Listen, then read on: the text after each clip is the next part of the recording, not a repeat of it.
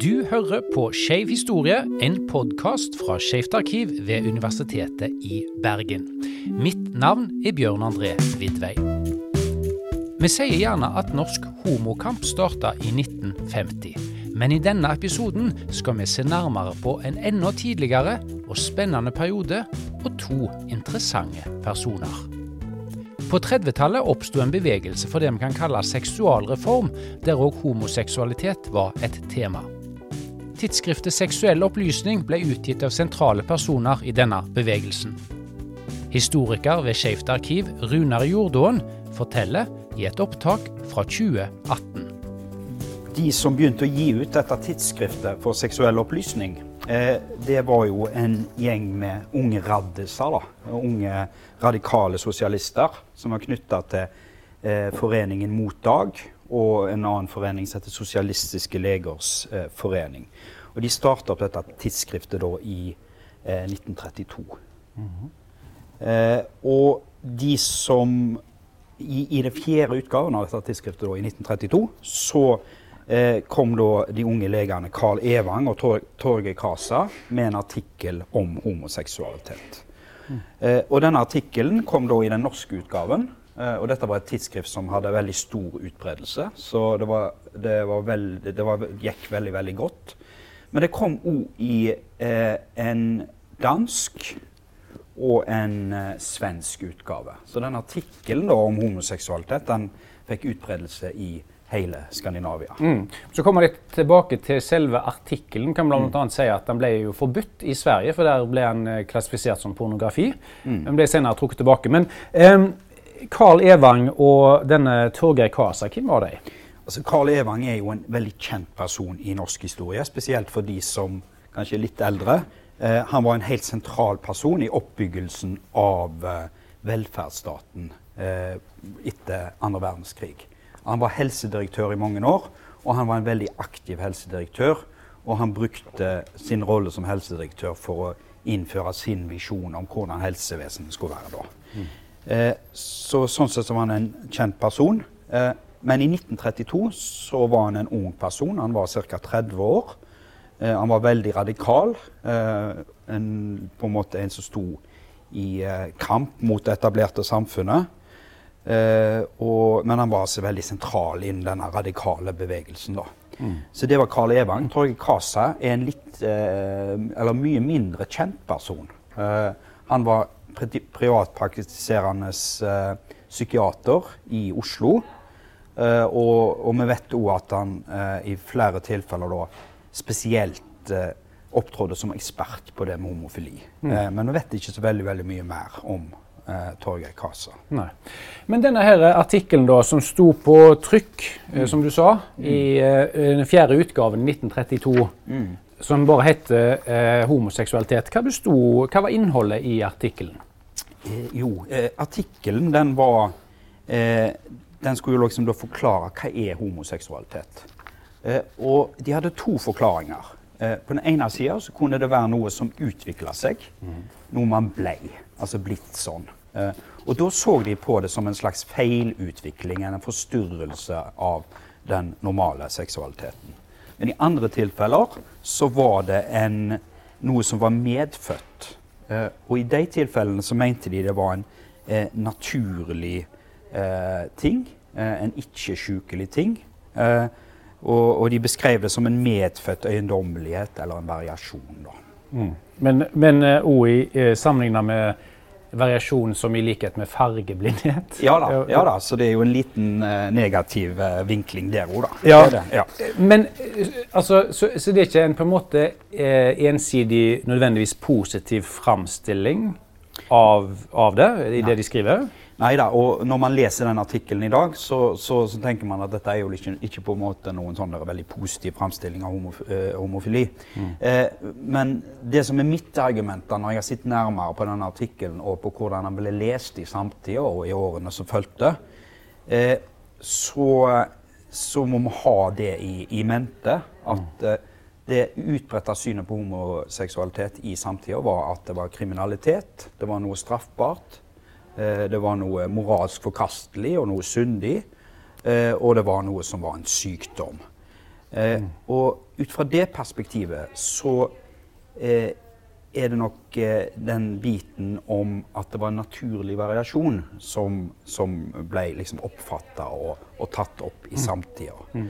Eh, for det fantes jo knapt noen som hadde uttrykt noe positivt om homoseksualitet på denne tida. Mm. Og, og, det kan vi jo se da at de gjør. De skiller seg fra det ja, synet ja. på den måten. Ja. Men, men, eh, kan du bare si to ord om Eh, altså Du sier det var veldig få eller noen som hadde i det hele tatt omtalt homoseksualitet. Men også dette her med seksualitet generelt var det jo òg veldig lite kunnskap om. Noe som mange av de andre artiklene i dette tidsskriftet vitner om. For de skriver jo om omtrent helt vanlige ting om sånt. altså hvordan bli gravid, altså mm. til voksne folk. Mm. Ja. ja da, og du kan se at Tidsskriftet var på en måte svar på det. Eh, man hadde, Evang hadde vært rundt omkring i landet og holdt foredrag for uh, arbeiderklassen og fått, eh, blitt helt sjokkert over hvor lite folk uh, kunne. altså. Uh, hvordan blir man gravid? altså Den type spørsmål var mm. helt elementære spørsmål. var var, var, det, var det det gikk ja, og, og, og, litt sånn, jeg må bare si jo, altså Nå har jeg jo bladd litt i ja. denne boken nå i det siste. Jeg har jo sittet og ledd faktisk litt høylytt. For med ja. våre øyne i dag så ser man det de lurte på. Det mm. Kunnskapsnivået var så mm. utrolig lavt. At det er nesten som en helt mm. annen eksistens, men det er jo i vår nære fortid. Mm. Eh, men eh, disse to, eh, Evang og, og Kasa, mm. altså, hvordan så de for seg at, eh, at, eh, at, homofile forhold da kunne aksepteres og mm. på en måte fungere i den samtiden? Altså det, det, de gjør, som er helt spesielt, da, er at de åpner for at homoseksualitet kan være noe normalt. Eh, Eh, de er skeptiske til at behandling kan ha noe som helst effekt. Eh, og de åpner da for at, de, eh, altså at homofile forhold kan være verdige og verdifulle, som de uttrykker det. Mm. Eh, og at disse forholdene kan være helt tilfredsstillende eh, for de homofile sjøl. Mm. Og for at man skal komme dit, så mener de at det må være større åpenhet om seksualitet og homoseksualitet i samfunnet. Slik at disse forholdene som var vanlige i samtida, med at mm. homofile møttes på offentlige toaletter, at det var prostitusjon og den type ting, at uh, istedenfor det så ville det komme fram i, mm. i det åpne landskapet, og man ville kunne få det de kalte for da, verdige og verdifulle mm. forhold. Ja. Og, da, og, da, viste de jo eksempelvis òg til Tyskland. Ja. At der var det allerede på en måte etablert ja. en annen form rundt dette.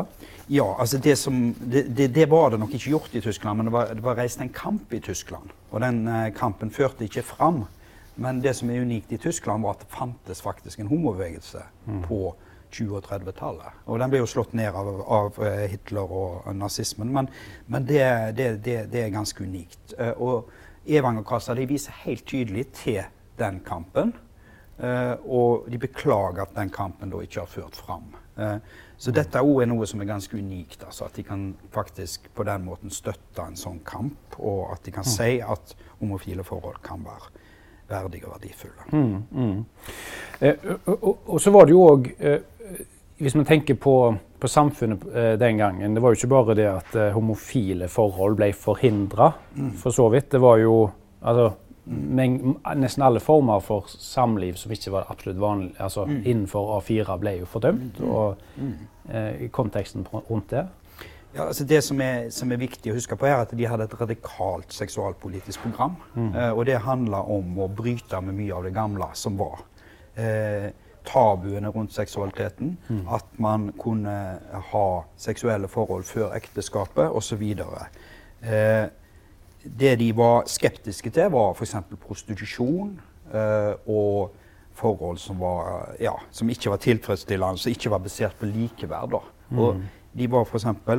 veldig skeptiske til den tradisjonelle formen for familie, der det var mannen som var overhodet og at familien mer eller mindre var en sånn økonomisk ting. da. Eh, mm. Det de eh, så for seg som eh, eh Framtida var jo da et eh, samfunn der, der, eh, der, seksuelle forhold og mm. kjærlighetsforhold var likeverdige og basert på følelser. Mange av de tingene som ble, ble skrevet om her og behandla, var jo basert på brev mm. som, ble, som, ble, tilsendt, eh, som han fikk inn. Eh, kan ikke du fortelle litt om det? Denne her, han hadde jo sånn spalte i et uh, ukeblad. Jo, ja. det var et ukeblad som het Arbeidermagasinet. Mm. Eh, og det var på en måte arbeiderbevegelsen sitt svar på ukeblad. Eh, og det ble eh, oppretta på slutten av 20-tallet. Mm. det var en, faktisk en, en, krets med tilknytning til Norges Kommunistiske Parti som, som starta det eh, bladet. da. Mm. Og der, da, der, hadde da Evang en legespalte, og i den legespalten så fikk han masse spørsmål om homoseksualitet.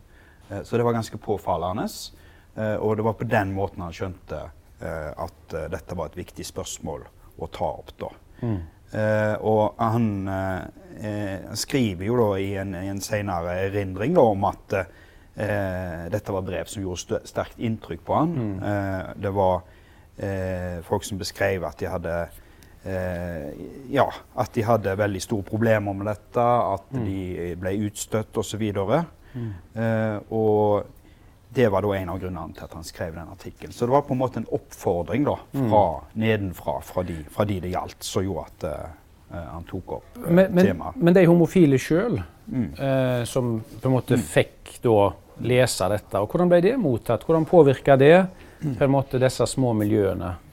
Altså, det er jo noe som, som, er vanskelig å vite i større utstrekning. Da. Men mm. vi vet at det er veldig mange som, som leste den artikkelen på 30-tallet, som leste den nettopp i det positive lyset. Mm. Så det er den samtidige eh, måten å lese artikkelen på. Da. For mm. eksempel en som het Erik Torsell i Sverige, som var i, i, i gang med da, å starte en uh, skandinavisk homoorganisasjon på 1930-tallet. Han mislykkes med det, mm. men han var en viktig pioner da, i den skandinaviske homobevegelsen. Og han sa at dette var den artikkelen, den mest positive og den beste artikkelen han hadde lest om temaet. Mm. Og vi finner òg en del uh, stemmer i Norge som på samme måte uh, fant inspirasjon i den artikkelen, og, og, mm. og, klarte å akseptere seg sjøl med bakgrunn i den artikkelen. Mm. Men så kommer det jo da eh, tida etter eh, 30-tallet. Mm. Da kommer det jo plutselig en verdenskrig òg. Mm. Eh, som har mm. på en måte stor påvirkning både på dette temaet, men òg på f.eks. Mm. Karl Evang sjøl. Ja. ja. Altså Karl Evang han hadde jo, altså Arbeiderpartiet kom jo til makta i Norge i 1935. Og som en del av det, da, som en følge av det, kan vi kanskje si, så mm. ble han eh, helsedirektør i 1938. Eh, så han var på en måte en del av av regjeringsapparatet, da plutselig fra å ha vært en hel eh, helt eh, en outsider og en veldig veldig radikal stemme. da. Mm. Eh, og Han reiste med den norske regjeringen i 1940 til England i eksil. Og han var også delvis i USA under krigen. da. Eh, og Da ga han beskjed Han måtte reise i hy og hast, men da ga han beskjed til sine venner at de måtte brenne disse brevene som han hadde fått fra homofile mm. i Uh, ja, på, på, slutten av 20-tallet. De var jo da potensielt livsfarlige for deg, altså i forhold til tyskerne og Ja, absolutt. absolutt For mm. det, det, det, det, ville jo da vært navn de kunne spore opp på i det hele tatt. da. Mm. Så det forteller jo litt om, uh, om arkivmaterialet som har gått tapt, da, som kunne fortalt en fantastisk historie. da. Som, mm. ja. Mm. Og så når han kom da tilbake etter krigen, og så mm. på en måte fortsetter han jo òg litt dette arbeidet. Ja. Eh, som man da på en måte hva skal vi si, støtta, eller i hvert fall fulgte positivt. Mm. Eh, ja. Mm. Altså det, det, du kan se at han, han, han gir ut disse bøkene her, eh, som heter 'Seksuell opplysning'. Den kom første gang i 1947. Den kom i flere opplag. Og det er på en måte eh, bøker om seksuell opplysning generelt, og, og veldig bredt. Da. Og Det er på en måte det samme aspektet som du finner i tidsskriftet, og det er noenlunde de samme artiklene faktisk som står i de bøkene. Mm. Og De også, fikk òg veldig stor utbredelse, og de har stått i hyllene i veldig, veldig mange norske hjem.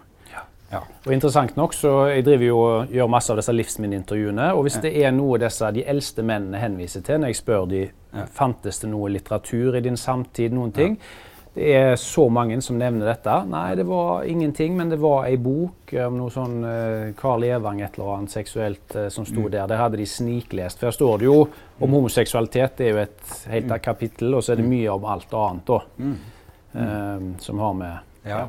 Mm. Så det er jo interessant. Ja da. Så, så det, og, det, og, og, og, det, er jo på en måte kanskje den beste legeboka de kunne ty til, da. For, for det som sto i de andre legebøkene, var langt fra så positivt. da. Ja. Mm. ja. Eh, det er veldig, veldig interessant eh, fortelling. Er det noen som har noen eh, spørsmål? Noe de har lurt på, eller Ja?